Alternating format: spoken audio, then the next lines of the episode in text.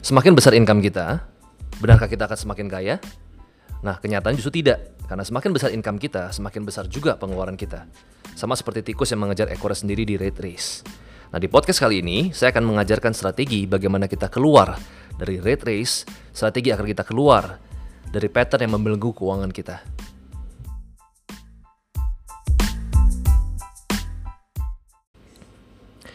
Manusia hidup dalam pattern, saya sebut sebagai social pattern, di mana kita hidup dalam sebuah pola yang saya sebut dengan tradisi. Imlek, Tahun Baru, Natal, atau Idul Fitri, umumnya biasanya kita punya budaya atau tradisi yaitu harus beli baju baru, harus beli mobil baru, harus beli jam tangan baru, harus beli mungkin uh, smartphone baru. Nah, saya sebut sebagai era of upgrades, di mana kita nggak pernah puas ketika kita merasa bahwa kalau misalkan saya punya iPhone 10, saya pikir saya nggak perlu lagi iPhone yang 10 yang lebih baik lagi. Tapi kenyataannya ketika muncul iPhone 10 yang X, kita akan beli iPhone 10 yang X.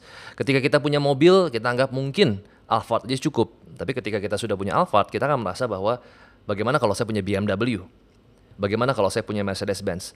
Nah, era of upgrades itu membuat setiap orang itu mengeluarkan pengeluaran-pengeluaran yang nggak perlu. Nah, sistem ini atau social pattern ini itu membuat kita hidup dari paycheck to paycheck. Jadi setiap hari kita gesek kartu kredit untuk membiayai lifestyle kita. Bagaimana cara agar kita bisa keluar dari rate race? Bagaimana cara agar kita bisa break the system, break the pattern? Ada empat hal yang saya ingin bagikan. Yang pertama adalah social media detox. Tidak bisa kita pungkiri bahwa sosial media memberikan kita pressure, saya sebut sebagai peer pressure.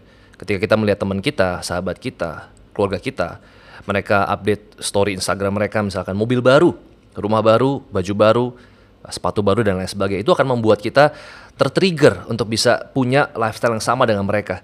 Nah, sometimes kadang-kadang bagi milenial khususnya, pendapat orang lain terhadap mereka adalah hal yang paling utama, yang paling penting. Padahal belum tentu mereka butuhkan itu.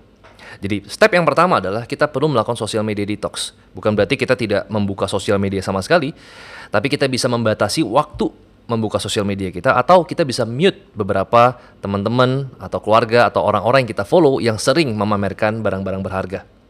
Poin yang kedua adalah upgrade valuable things. Saya menyaksikan sebuah dokumenter dengan judul Minimalism. Dan hal yang saya pelajari dari konsep ini adalah ketika kita hidup hanya dengan barang-barang yang memberikan value. Artinya, kita tidak harus membuang buku kita kalau misalkan memang buku memberikan value dalam hidup kita kita nggak perlu membuang mungkin benda-benda berharga jika benda tersebut memberikan value untuk kita.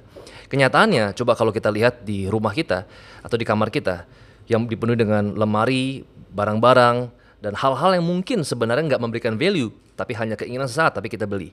Jadi buat saya, agar kita bisa keluar dari rate race, bukan berarti kita tidak boleh memiliki barang-barang yang punya kualitas yang tinggi. Boleh nggak Pak Bong kita membeli misalkan video kamera yang terbaik yang mungkin satu lensa harga 12 juta, mungkin kamera yang harga 20 juta, atau mungkin sound recording untuk misalkan Anda ingin membuat podcast dengan harga yang mahal 10 juta rupiah. Nah selama itu memberikan value, Anda misalkan YouTuber, Anda podcaster, nggak masalah. Jadi sekali lagi, upgrade valuable things only.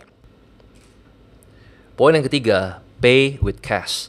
Kita tahu bahwa sekarang adalah era di mana kita menggunakan yang namanya online payment. Kita menggunakan misalkan seperti OVO, GoPay dan lain sebagainya. Nah, tanpa kita sadari, fasilitas online payment ini membuat pengeluaran kita semakin besar. Sama halnya ketika kita bermain poker online misalkan. Nah, bermain poker offline dengan online sangat berbeda. Saat kita bermain poker online dengan uang sungguhan juga, dengan sangat mudah kita melakukan bet atau dengan sangat mudah kita melakukan all in. Nah, dengan menghilangkan yang namanya online payment atau mengurangi saldo di online payment Anda atau di kartu kredit Anda dan hanya membayar dengan cash, itu akan membuat Anda berpikir dua kali atau bahkan tiga kali sebelum Anda ingin membayarnya. Poin yang keempat adalah produktif weekend. Saya banyak ketemu dengan milenial yang mengatakan, Pak Bong, saya nggak punya waktu. Saya udah kerja dari Senin sampai Jumat. Kenyataannya adalah mereka masih punya weekend. Nah, kita bisa, selain kita fokus di savings, kita bisa menambah penghasilan kita. Yang pertama adalah dengan melakukan garage sale. Kita bisa menjual pre-love barang-barang pribadi kita, mulai dari baju kita, gadget kita. Coba start dari kamar kita, rumah kita, barang-barang yang masih bisa kita jual yang masih punya nilai tinggi. Nah, saya yakin dengan kita melakukan garage sale akan menambah income kita di luar daripada income dari Senin sampai Jumat kita.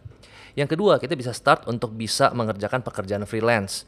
Misalkan freelance fotografi, during weekend kita bisa jadi freelance agent properti, kita jadi bisa jadi freelance, mungkin stock broker dan lain sebagainya.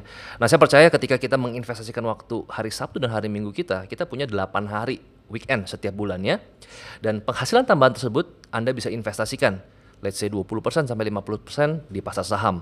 Anda bisa trading dengan profit mungkin 2% sebulan atau Anda juga bisa berinvestasi untuk jangka panjang. Setelah mendengarkan podcast ini, saya ingin mengajak Anda untuk being underrated. Mungkin orang-orang bisa menilai Anda di sosial media tidak punya jam baru, tidak punya rumah baru, tidak punya mobil baru. Hidup Anda kelihatan sederhana. Tetapi sebenarnya Anda memiliki value yang jauh lebih tinggi daripada mereka. Anda memiliki aset yang lebih berkembang daripada mereka.